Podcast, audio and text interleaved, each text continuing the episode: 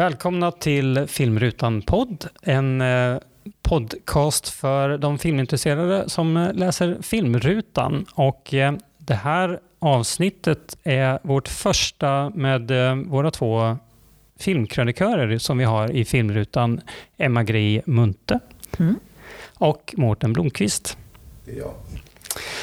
Välkomna hit. Eh, och eh, det här är ett, eh, ett program där vi tänker att vi ska försöka titta tillbaka lite på filmvåren i det här fallet, alltså det som har gått på bio och även göra en liten spaning framåt, men en slags summering och spaning kan vi säga. Men först, eftersom det här är vårt första avsnitt av den här sorten, så tänkte jag att vi skulle försöka presentera oss lite kanske. Eh, Emma, vill du säga någonting om vem du är? Ja, Emma Gray Munta alltså. Och jag recenserar film i Aftonbladet sen, jag vet inte när, 2007 kanske. Och sen så kulturtipsar jag i Femina. Och ja, skriver om film lite här och där, inte bara i filmrutan. Och Mårten? Jag skriver om film mest i eh, Dagens Nyheter och eh, pratar film i, i eh, Sveriges Radio P1 ibland. Och jag recenserar och skriver om film på alla möjliga sätt. Och så skriver jag filmböcker ibland. Och i vår har min bok om Roy Andersson kommit, Sånger från folkhemmet. Som vi för övrigt hade ett utdrag av i eh, Filmrutan här under våren. Och jag heter alltså Per Eriksson och är verksamhetsledare för Sveriges Förenade Filmstudios till vardags. Och eh, det är då SFF som vi brukar säga i korthet. Eh, vi som ger ut Filmrutan, där jag då också ingår i redaktionen. Eh, jättevarmt välkomna! Och eh, det som ni har fått i uppdrag här nu är att titta tillbaka på vad vi kan kalla den svenska biovåren. Och eh, vad tycker ni? Har ni vad, om ni tänker tillbaka på filmvåren här, vad får ni för tankar då?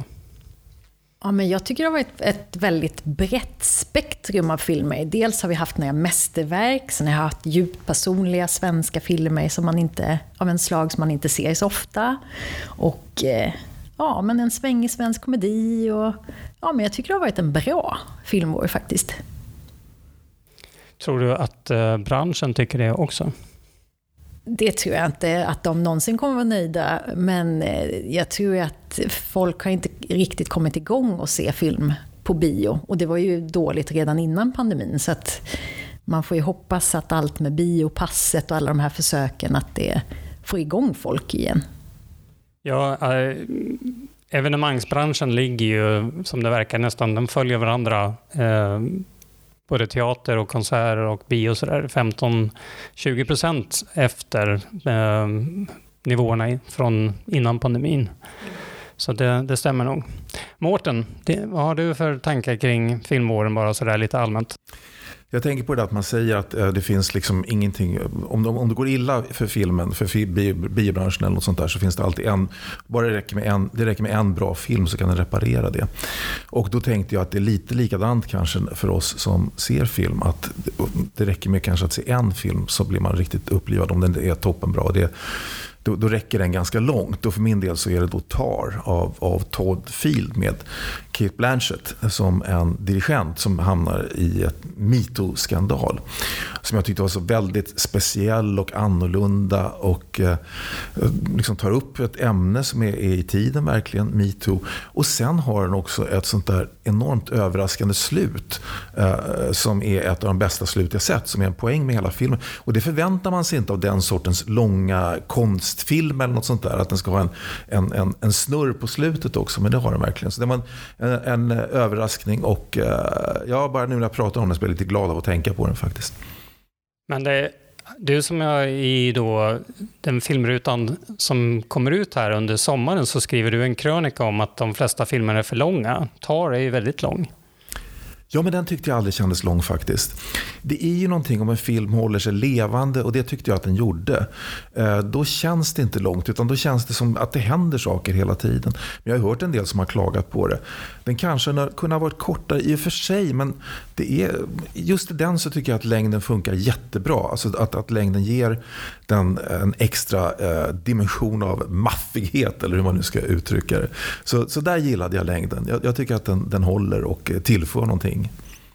Emma, vad dina tankar kring Tar? Ja, alltså jag tyckte den var väldigt bra. Kate Blanchett var väldigt bra. Men jag fick nog inte den typen av känslor för den filmen. Men då ska man också säga att jag såg den mycket senare än de flesta andra. Och då har den ju hyllats i många månader. Och då har man ju väldigt höga förväntningar och då kanske de inte riktigt infrias. Så, så det kan ju ha sin förklaring i det. Men, men vad gäller om filmer är för långa eller inte så håller jag ju absolut med.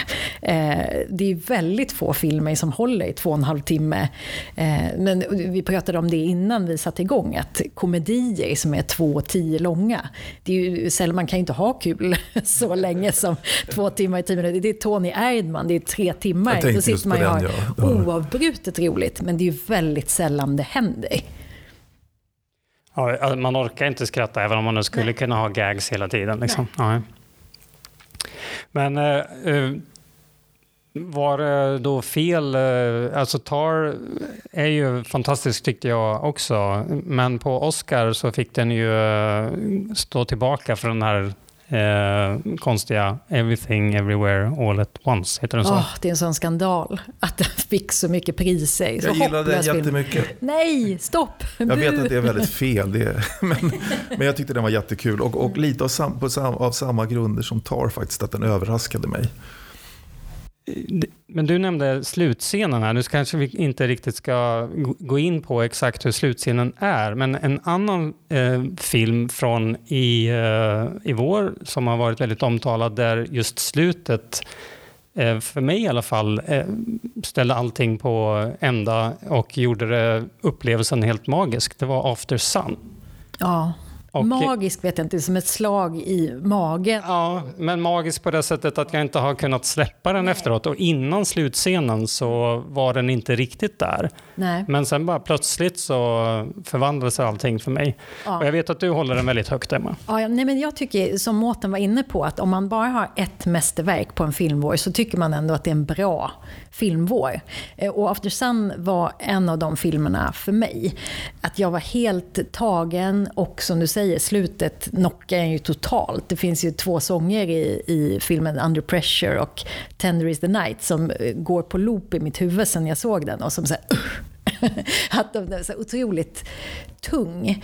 Eh, men den är ju också väldigt rolig. Den har ju många dimensioner i den här filmen. Säg några ord om vad den handlar om bara. Ja, men den handlar ju om en eh, vuxen kvinna som minns tillbaka på en resa hon gjorde med sin pappa när hon var 11 och han var kanske typ 30. De åker på charterresa till något så här sjavigt ställe och vad de är med om där. Och det är samtal och ja, det, det, är liksom inte så jättemycket som händer, det är ingen action överhuvudtaget, men det är liksom deras relation. Och de två som är i huvudrollen, eh, Paul eh, Mescal heter han va? Och Frankie Corio, hon som spelar flickan. Jag är osäker på hur man uttalar det namnet också. Men hon, de två är ju helt magiska tillsammans. Eh, det ser ut som att de är far och dotter. De är helt ihopväxta i princip. Så att eh, regissören Charlotte Wells hon har ju gjort ett otroligt regijobb med att liksom få till den där känslan. Och det är väl också ganska självbiografiskt? Precis. Det finns, om man letar på eh, bilder, så finns det helt magiska bilder på henne och hennes pappa. Och sen hur de har återskapat det i filmen, som är så här, då gör det ännu mer ont det där slutet. Eh, så det, det, det, ja, hon har gjort ett otroligt jobb, en långfilmsdebut som är helt fantastisk.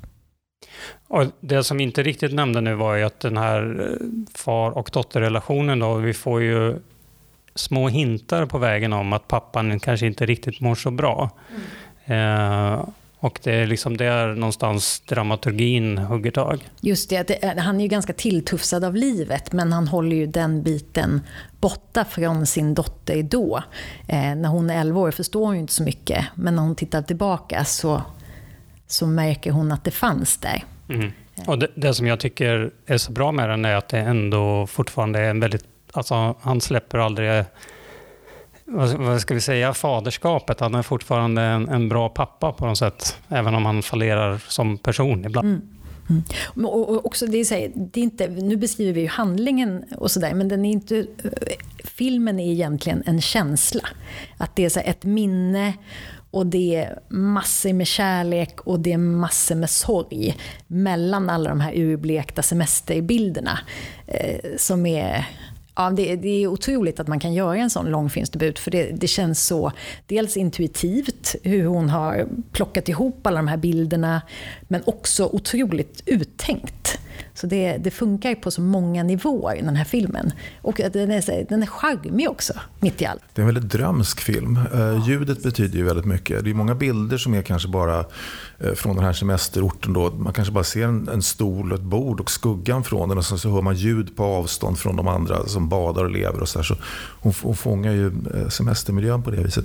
Jag ska säga att när jag hade sett den första gången, då var jag ändå lite besviken. Så där. Jag tyckte liksom att, den att den här, det ackumulerades inte så som man kunde hoppas utan det kändes som filmen kanske stod lite still. Men sen är det ändå en sån här film som jag minns väldigt väl och tänker tillbaka på. Eh, så, så kan det vara med en del filmer. Liksom man blir först besviken och sen upptäcker man, men vänta nu, den här bet sig fast i alla fall. Ja, men så var det för mig. För mig har den vuxit väldigt mycket mer efter än hur det var när jag egentligen såg den. Och då var det just då slutet på något sätt som förlöste det för mig. Och jag tror ju att det är en, en sån där klassisk film där det är en, lite av en vattendelare om man går igång på det eller inte. Och kanske har det då att göra just med det här drömska och eh, inte klassiska dramaturgikurvan eh, som gör att man eventuellt inte kickar igång på samma sätt som vissa andra gör. Men det är roligt också eftersom det är en långfilmsdebut. Så att här, man blir genast nyfiken på vad ska hon göra härnäst. Det är roligt. Mm. Och du Mårten sa att uh, det gick att kanske hitta lite kortfilmer av henne på, på nätet. Ja, uh, jag intervjuade henne för Dagens Nyheter, vilket var roligt att göra. Och då så letade jag upp dem. Jag bara googlade och grejade och de låg ganska generöst ute på, jag tror, sajten Vimeo. Så om, om ni letar efter dem. Och de var sevärda också tyckte jag. Mm. Jag ska säga också, om inte, att vi försöker samla de titlar vi nämner eh, som vi förmedlar i text på Filmrutans webbsida. Så är det titlar som vi svamlar förbi som ni vill kolla upp sen i efterhand, lite mer fakta kring, så kan ni gå tillbaka där så har vi en lista på filmerna vi har eh, tittat så kanske vi också hinner leta upp några länkar till Charlotte Wells eh, kortfilmer. Då. Perfekt. Eh, men om vi tar en, en, en annan film som då, eh, har varit väldigt omskriven här under våren som också angriper lite det här med eh, psykisk ohälsa så är det den belgiska filmen Close. En film som handlar om två 13-åriga pojkar som har ett väldigt tätt eh, eh, vänskapsband och som börjar högstadiet och eh, då börjar glida ifrån varandra. Eh, och eh, den här filmen skildrar egentligen det, hur det ändå ja, särglidningen påverkar eh, de här två killarna på ett ganska drastiskt sätt. Men eh, mina två, den har fått fantastisk kritik från de allra flesta eh, och eh, är väldigt välspelad och välgjord. Men eh, panelen här är lite skeptiska. Vad, vad är er känsla kring Close? Ja, men de, de här två pojkskådespelarna eh, tyckte jag var helt otroliga. Och det var massor med grejer som är jätteberörande i den här historien. Men eh, regissören Lukas Dont, hans förra film hette Girl och handlade om en transtjej på en ballettskola.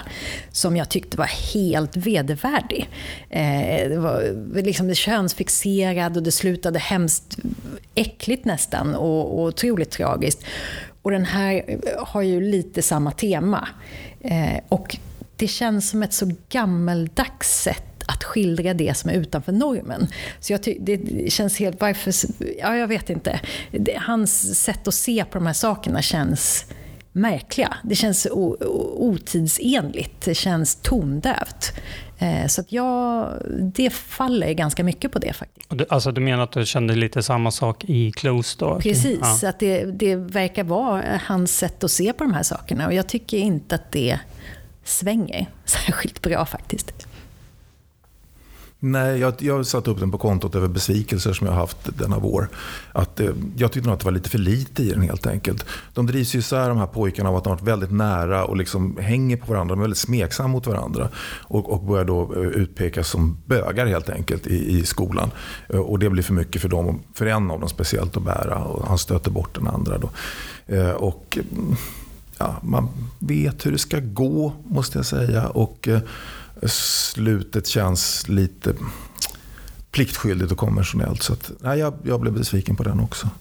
Men också så, att det här med att de är ju 13 år, de här två pojkarna. Och att de först får frågorna om sin nära relation, att de aldrig verkar ställt sig de här frågorna själva.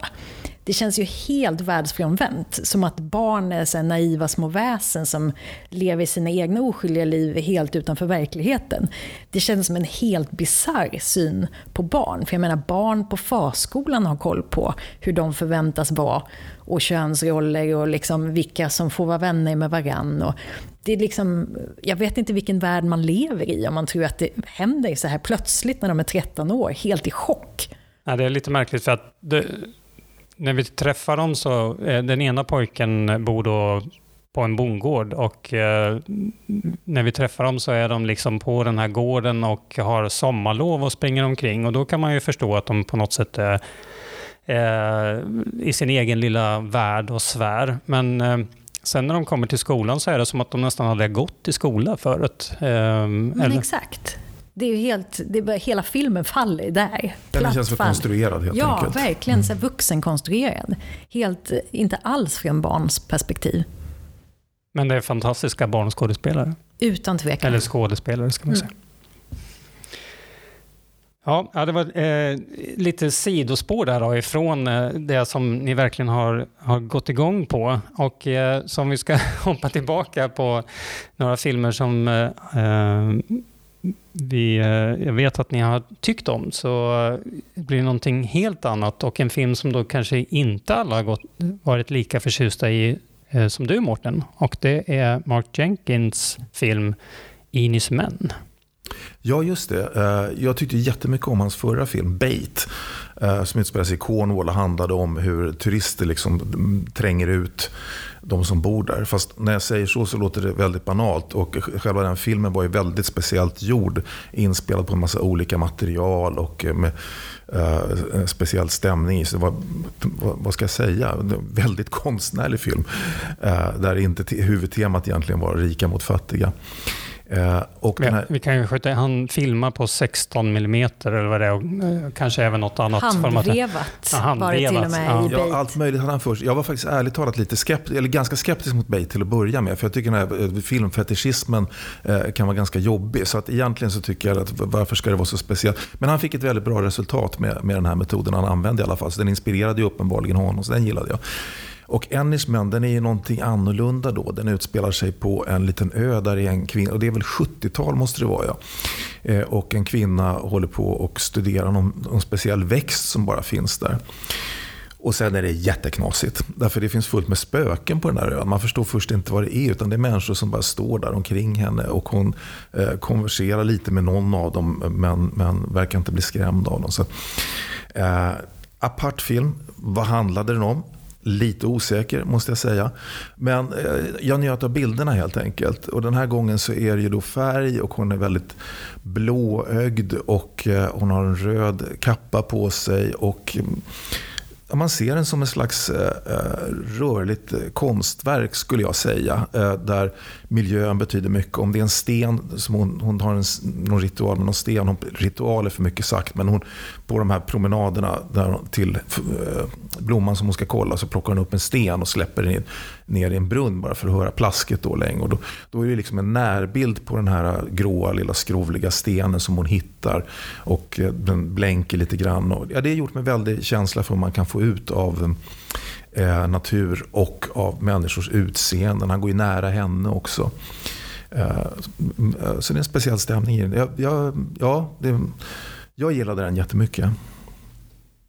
Jag, jag gillade Bait väldigt mycket men var lite mer tveksam till just den här. Då. Emma? Och jag avskydde Bait. Eh, djupt och innerligt. Jag tycker den var vidrig. Nej, inte vidrig, men jag tyckte den var hemskt dålig. Så att jag hade väldigt låga förväntningar inför den här. Eh, och här leker han ju med helt... I Bait lekte han ju med stumfilms... Hur han klippte syfte och närbilder och den typen av hur man bygger upp dramatik. Men här lekte han ju med lite mer 70-tals folkhorror och lite Don't look now och, eh, och sådär. Så att, eh, jag tyckte att den här var mycket bättre. Och eh, han behärskade den här estetiken mycket bättre tyckte jag. Och eh, det fanns eh, men som du säger Mårten, det här med konstverken, det fanns sekvenser som jag fick gåshud av som var otroligt mäktiga. Vissa bilder, vissa scener som jag skulle kunna tänka mig att man skulle kunna gå in i så galleri, konstkub, där de här bilderna gick på loop och man skulle kunna sitta där i timmar, för de var otroligt mäktiga, otroligt snygga. Men sen det som var däremellan tyckte jag var lite, nah, lite besvikelse, men ett uppsving från Bait tyckte jag. Och otroligt snygg tyckte jag också att Inis män var. Men kan man inte dra parallell till, till Aftersun faktiskt lite och säga att det är en atmosfärfilm liksom, som Absolut. båda är? Mm. Men, eh, och, eh, men, och det är inte då ett sätt för honom att försöka sälja ut och rida på folklore, horrorvågen här som har varit kanske med Midsommar och lite andra filmer? Nej, jag såg ingen spekulation i Ennismän måste jag säga. Det skulle aldrig kunna bli en kioskvältare. Eh, nej, eh, så är det kanske inte. Eh, apropå kios kioskvältare som jag tänkte att jag ändå skulle nämna med, med, med dig här då, Mårten, så är, eh, är det då kanske den stora snackisen här under våren. En, en av få filmer som faktiskt orsakar debatt och det är Den lilla sjöjungfrun. Ja, det är inte klokt vilka tider man lever i när det är Lilla Sjöjungfrun som då orsakar debatt. De har gjort en, en eh, spelfilmsversion av den som var, tycker jag, en av de bästa animerade filmerna de gjorde. Eh, den Lilla Sjöjungfrun som kom, var 89 kanske, något i den stilen. Eh, och nu har de gjort en spelfilm av den som är mycket längre, mycket mer pompös och mycket glittrigare också för den delen skulle jag säga. Och jag gick och såg den bara för att jag tänkte ja, det här hör till min uppgift att se den här. Eftersom den dels har blivit en, en stor succé och sen så är det då alltså den mest debatterade filmen på länge eftersom tydligen många människor, speciellt i USA, har blivit topptunnelrasande av att det är en, en svart eh, ung kvinna som spelar sjöjungfrun. Det var ingen rolig film. och eh, det, det är ju någonting absurt med att eh, det blir sån debatt om detta som många har påpekat. Liksom, en sjöjungfru är en fantasifigur. Hon kan vara röd i huden för den delen skulle jag vilja påstå. Eh, och den här eh, eh, tjejen som spelar eh, sjöjungfrun. Ja, någonstans har jag namnet men det har fallit bort nu. Dåligt av mig. Eh, hon, eh, eh är ju, hon ser jättebra ut som sjöjungfru. Hon har just de här glittriga ögonen och sånt där. Så hon är verkligen som gjord för att spela den lilla sjöjungfrun. Men eh, vad är det för filmer de gör egentligen? Det är, är den, två, två tio lång eller något i den stilen eh, så, för Nej, en familjefilm. Bara alltså. där börjar man ju då fundera vad målgruppen är. Om man nu tänker att man gör den som en familjefilm så känns det som att eh, väldigt många av den tilltänkta målgruppen går bort för att man inte orkar i över två timmar helt enkelt. Även om det vore bra. Mm. Men gott, den har tydligen gått bra. Mm. Om vi eh, sen då går vidare till eh, ytterligare några favoriter här. Eh, så har jag ingen jättebra övergång till den. Nej, men jag har en övergång.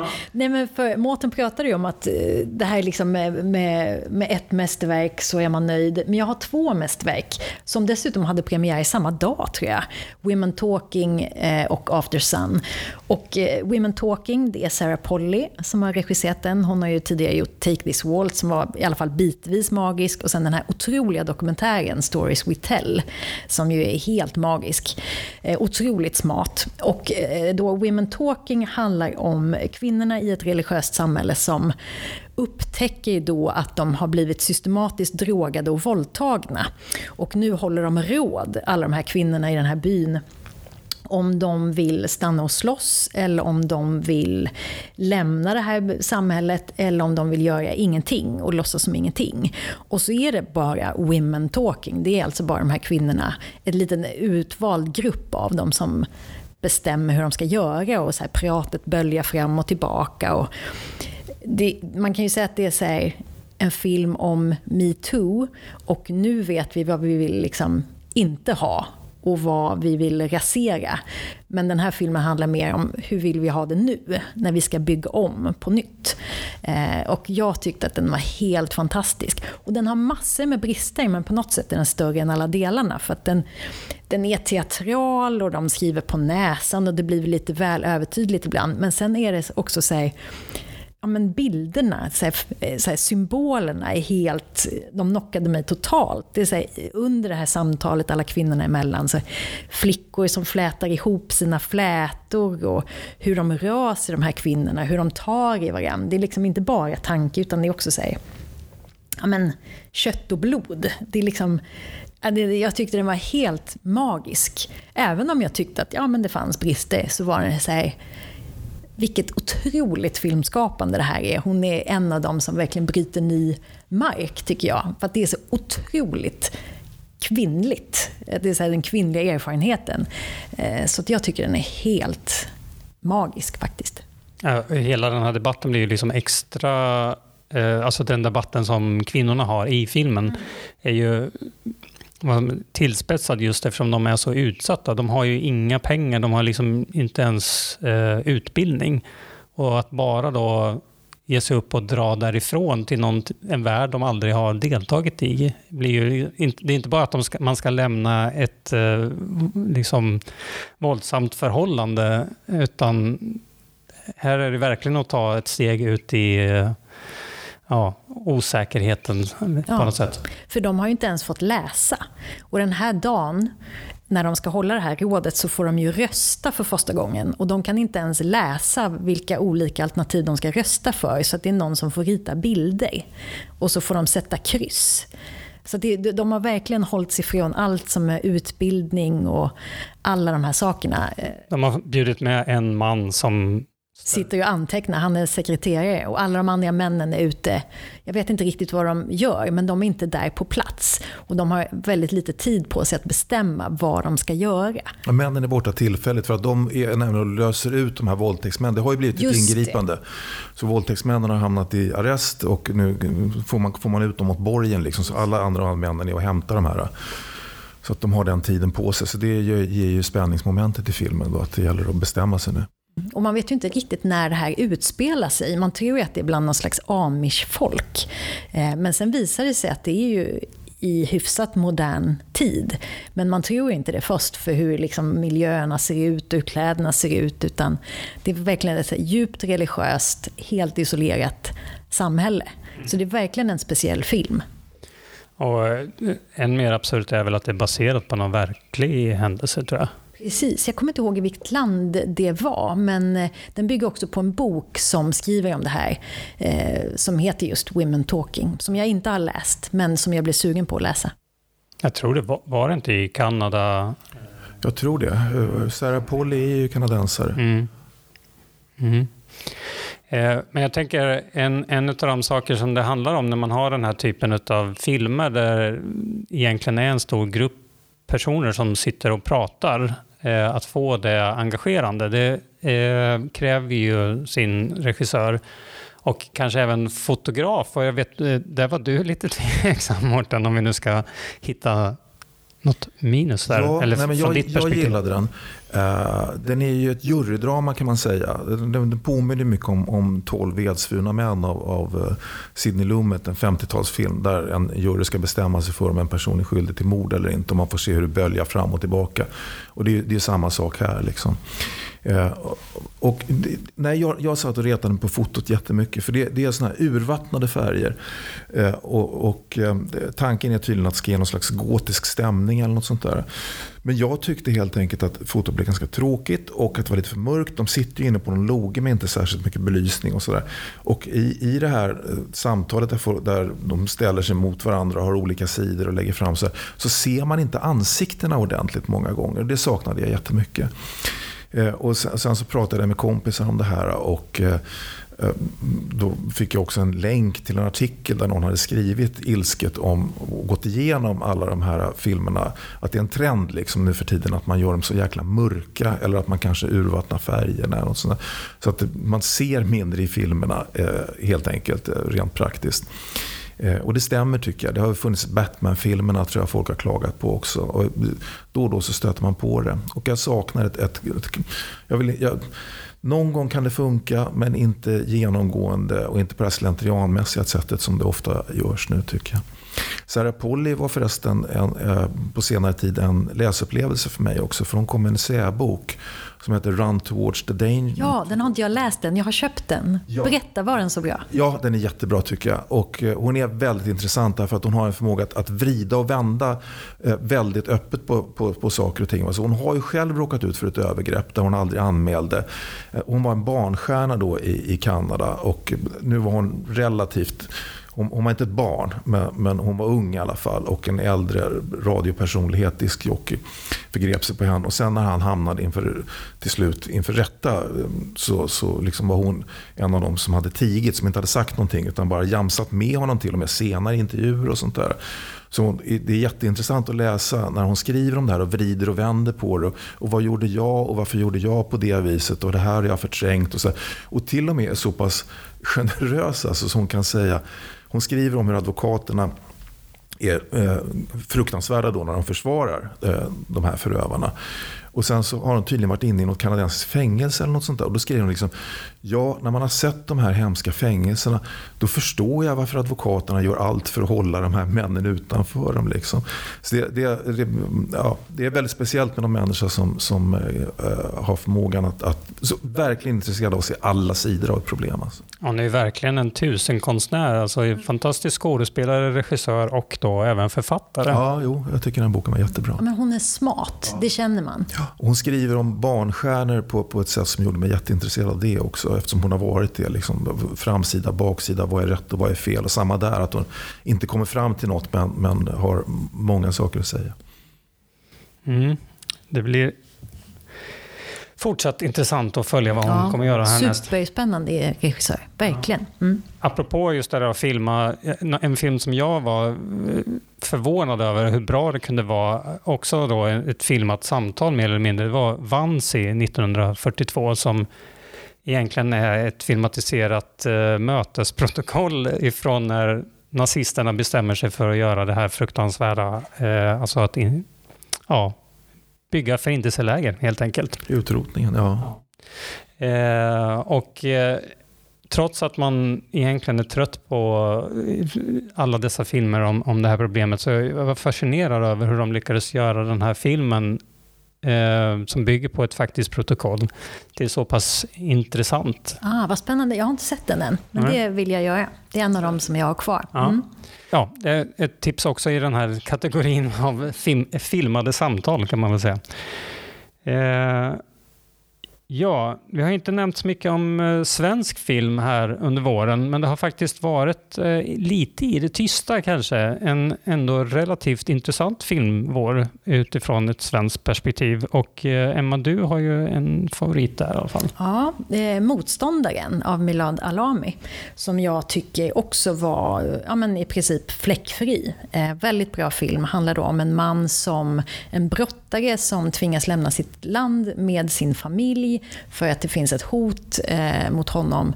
Och man vet inte vad det där hotet är. Men sen när de kommer till Sverige, de bor på en flyktingförläggning, så börjar man märka att det där hotet kanske inte riktigt har lämnat honom.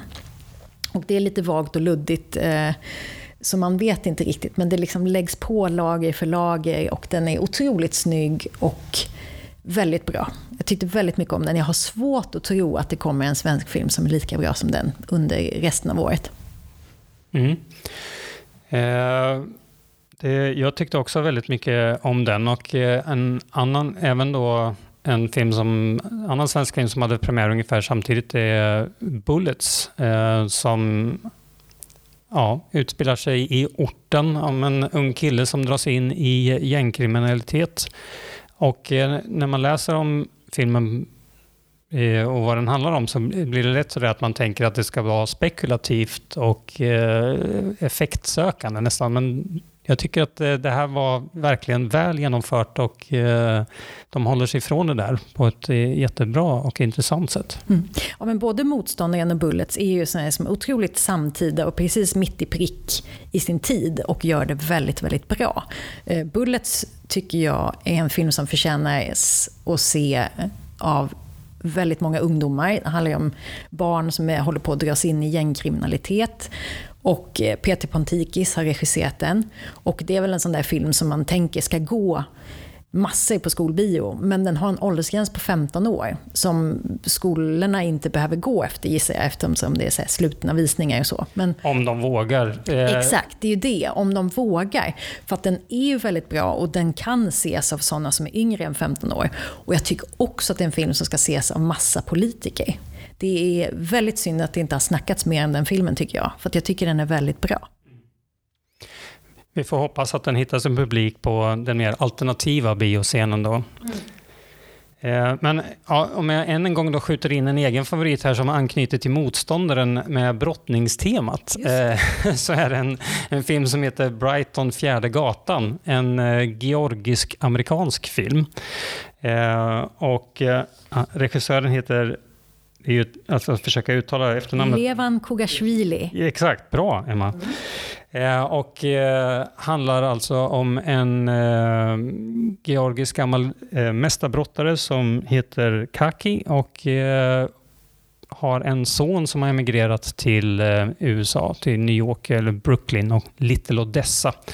Där han har ett spelproblem och hamnar i kläm så pappa behöver åka över och försöka hjälpa honom hitta eh, rätt i livet igen eller lösa alla problem. Och det är en film som verkligen eh, drar in en i ett vardagsliv känner jag, där man liksom kliver in i de här huvudpersonernas värld och det känns liksom eh, otroligt realistiskt att eh, få ta en del eh, av, eh, deras verklighet på något sätt. Och även lite som motståndaren också eh, utforskar manlighet eh, och även då kulturkrockar på ett intressant sätt genom brottning. Jag vet inte vad, hade ni några eh, tankar kring Brighton, Fjärde gatan? Nej, jag, du, du, beskriver den väldigt väl. Jag, jag försöker, försöker, vad kan jag lägga till? Nej, men här, också här att det finns, ja precis, man gillar ju väldigt mycket stämningen från de här kvarteren man får se. Och den påminner kanske om andra eh, filmer som har utforskat mm, etniska grupper som bor i New York på olika ställen.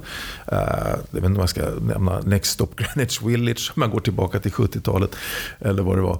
Eh, det, precis, det är roligt att, att, att dra sig in in i den här eh, udda miljön och det är väldigt speciella figurer. Och sen så är den ju väldigt fint plåtad, det tror jag du nämnde också Emma. Mm. Det, det gör ju väldigt mycket, alltså det lyfter den. Det behöver inte vara så mycket som händer alltid. Den, den, är inte actionpackad på något sätt. Den är inte stillastående heller, ska jag absolut inte säga.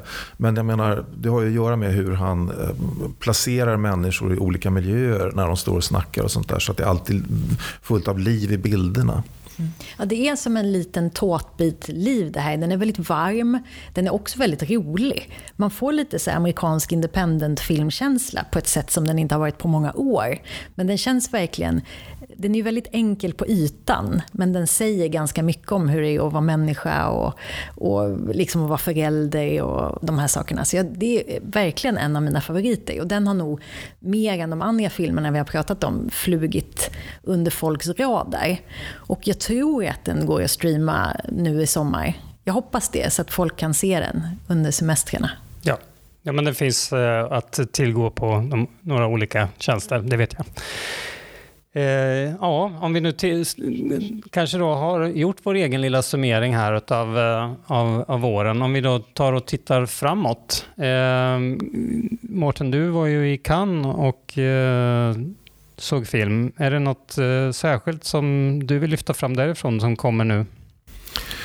Ja, det värsta, kanske det som är lättast att lyfta fram eh, kommer ju inte riktigt nu. Det är Zone of Interest eh, som fick väldigt mycket uppmärksamhet. Som, som alltså handlar om paret Höss. Och han är kommendant för Auschwitz. De, alltså det, de verkliga paret Höss.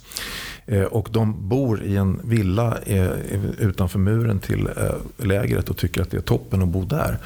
Eh, och det är en väldigt stark film som påminner lite om Sauls son. Där, som utspelar sig inne i ett koncentrationsläger. Då. Den här är på utsidan. Men det otäcka är ju att, att eh, det är liksom som en fabrik som kunde göra konserver. Det är bara att fabriken producerar död istället. Men det bekommer inte eh, de här tyskarna som bor utanför då. Utan de tar emot säckar som kommer från lägret med kläder. Och, och då kanske Hedvig Höst då hittar en fin kappa som hon ställer sig och poserar i. Och den var väldigt stark och blev väldigt uppmärksammad också. Men vad som kommer eh, snarare, eh, det är väl i... Får jag bläddra? uh, dumt att jag inte hade det framme. Uh, det, det, som kommer ganska snart, eh, den 13 oktober, har jag tagit reda på datumet. Det är ju en härlig eh, Kaurismäki-film. som kommer att heta Höstlöv som faller. Eh, som handlar om några eh, vad ska man säga, ganska luggslitna existenser. Då. En, en, en eh, ung man som dricker lite för mycket och en kvinna eh, som spelas av Alma Pöysti. Som vi såg i Tove och också i Händelse vid vatten. Och hon är mer ordentlig. Eh, och, och de, det, blir en, eh, de, de, det blir en trevande romans, man säger. väldigt trevande. Har man sett Kaurismäki-filmer så vet man liksom. Det, orden faller eh, eh glest och eh, de, de står och pratar bredvid varandra lite grann utan att riktigt titta på varandra. Eh, och sen så blir det en fnurra på tråden då när hon upptäcker att han har en plunta med sig när han kommer hem till henne. Därför att eh, hon har erfarenhet av alkoholism, och det vill hon inte ha. Eh, men ja, sen går det vidare i alla fall. Och den är, både, den är väldigt rolig. Eh, det var många skratt i salongen när man såg den. Och samtidigt finns det en värme. Sådär att man faktiskt eh, känner för det här paret. Det var, det var ganska rart. Det är liksom en sån här nyckelgrej som händer ett, ett, ett telefonnummer. Liksom ramlar ner på gatan, lappen med telefonnumret och, och, flyger iväg. Och då hörde jag någon i, i bänken bakom mig säga Åh nej! Så att liksom man, man blir, och den känslan hade man verkligen för dem då. Han, han bygger upp den. Så att min, min tanke var, vad, vad många skrev om den också, var att ja, det här är en Kaurismäki, vi vet hur Aki Kaurismäki ser ut, men jäklar vad härligt det är när, när det är bra. Alltså, så den, den eh, är verkligen någonting att se fram emot i höst också. Det, blir, det kommer faktiskt, eh, ja, grattis eh, biopublik säger jag, ja. som i oktober kommer att få se den. Kul. Emma, har du något framöver här som du ja, väntar på? Lite mer lättviktigt kanske, men jag ser väldigt mycket fram emot Barbie som har premiär 21 juli. Eh, och dels har ju min dotter tittat på Barbie-filmerna för länge sedan. Eh, så Barbie nu, det är faktiskt ganska smarta grejer. Väldigt kul och väldigt skruvat, vilket man kanske inte tror. Och nu så är det ju Noah Baumbach och eh, Greta Gerwig som har skrivit manus tillsammans. Och det är Greta Gerwig som eh, då ska regissera. Och Margot Robbie då som eh, ska spela Barbie och eh, Ryan Gosling som spelar Ken. Och bilderna som har släppts är helt underbara. Eh, jättefåniga.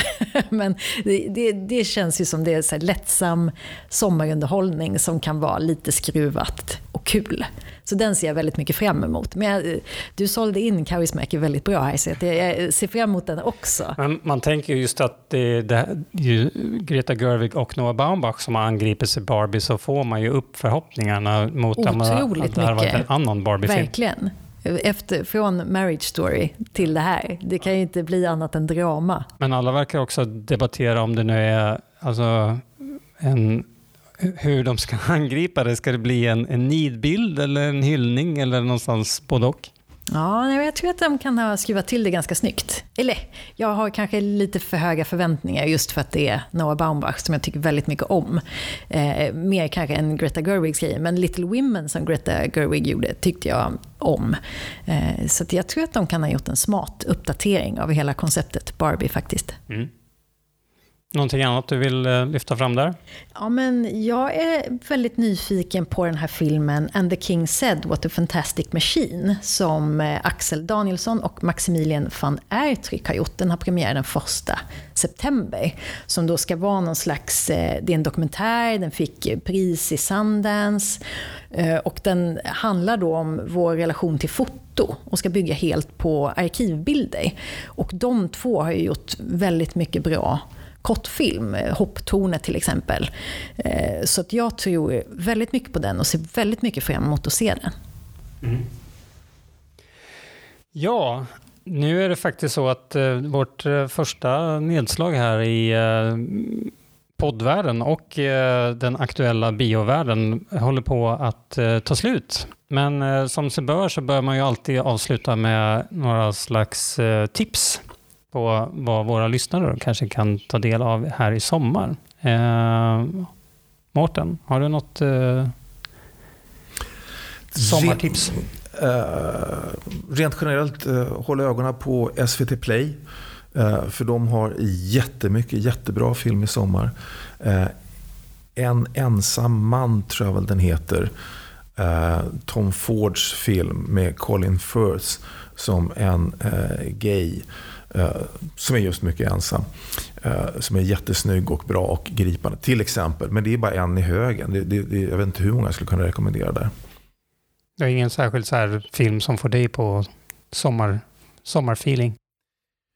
Jo, alltså om du frågar om en film som ger mig sommarfeeling, då är alltid den första jag säger eh, Jacques Tatis Semestersabotören. Där Jacques Tati som uh, den liksom, klantiga Monsieur Hulot kommer till en liten badort Eh, Eh, och ställer till det till en del människors förfäran och några tycker att han är väldigt charmig och rolig för att han inte passar in. Eh, jag tycker att det är en helt eh, underbar klassiker och för mig har den både att jag tycker att den är rolig men också att det finns något väldigt vemodigt i den. För den följer liksom en liten sommarvecka fram till slutet och så packar alla igen och säger att nu, nästa sommar ses vi igen. Och så. Den är vemodig och komisk. Mm. Och den tycker jag att alla ska försöka se med barn, om de har något i sin närhet. För det, det går hem hos barn. Verkligen, det är urskärmig. Supermysig film att se, många gånger. Ja. Du då Emma, har du något eh, ja, men jag sommartips? Har, jag har ett tips på en film som verkligen har flugit under mångas radar, för den är undansmusslad på eh, UR Play och har inte gått på SVT. Och det är, man får säga att det är en miniserie, en dokumentär i tre delar, som är regisserad av Steve McQueen som ju gjorde eh, Small Axe, som också gick på SVT och har gjort 12 years a slave, och som handlar då om New Cross-elden 1981 en, en brand där 13 svarta ungdomar dog och sen eh, liksom eh, rasism och eh, hur det såg ut i England på ja, 80-talet. Och eh, ja, i tre delar går han igenom de här sakerna och det var kravaller i Bristol och eh, alla de här sakerna. Och den är väldigt, väldigt bra. Den är helt omistlig och det är synd att den gömmer sig på UR Play. Så den hoppas jag att ni letar upp under sommaren. Mm. Okej. Okay. Tack så jättemycket för det här avsnittet. Tack själv. Tack. Thank you.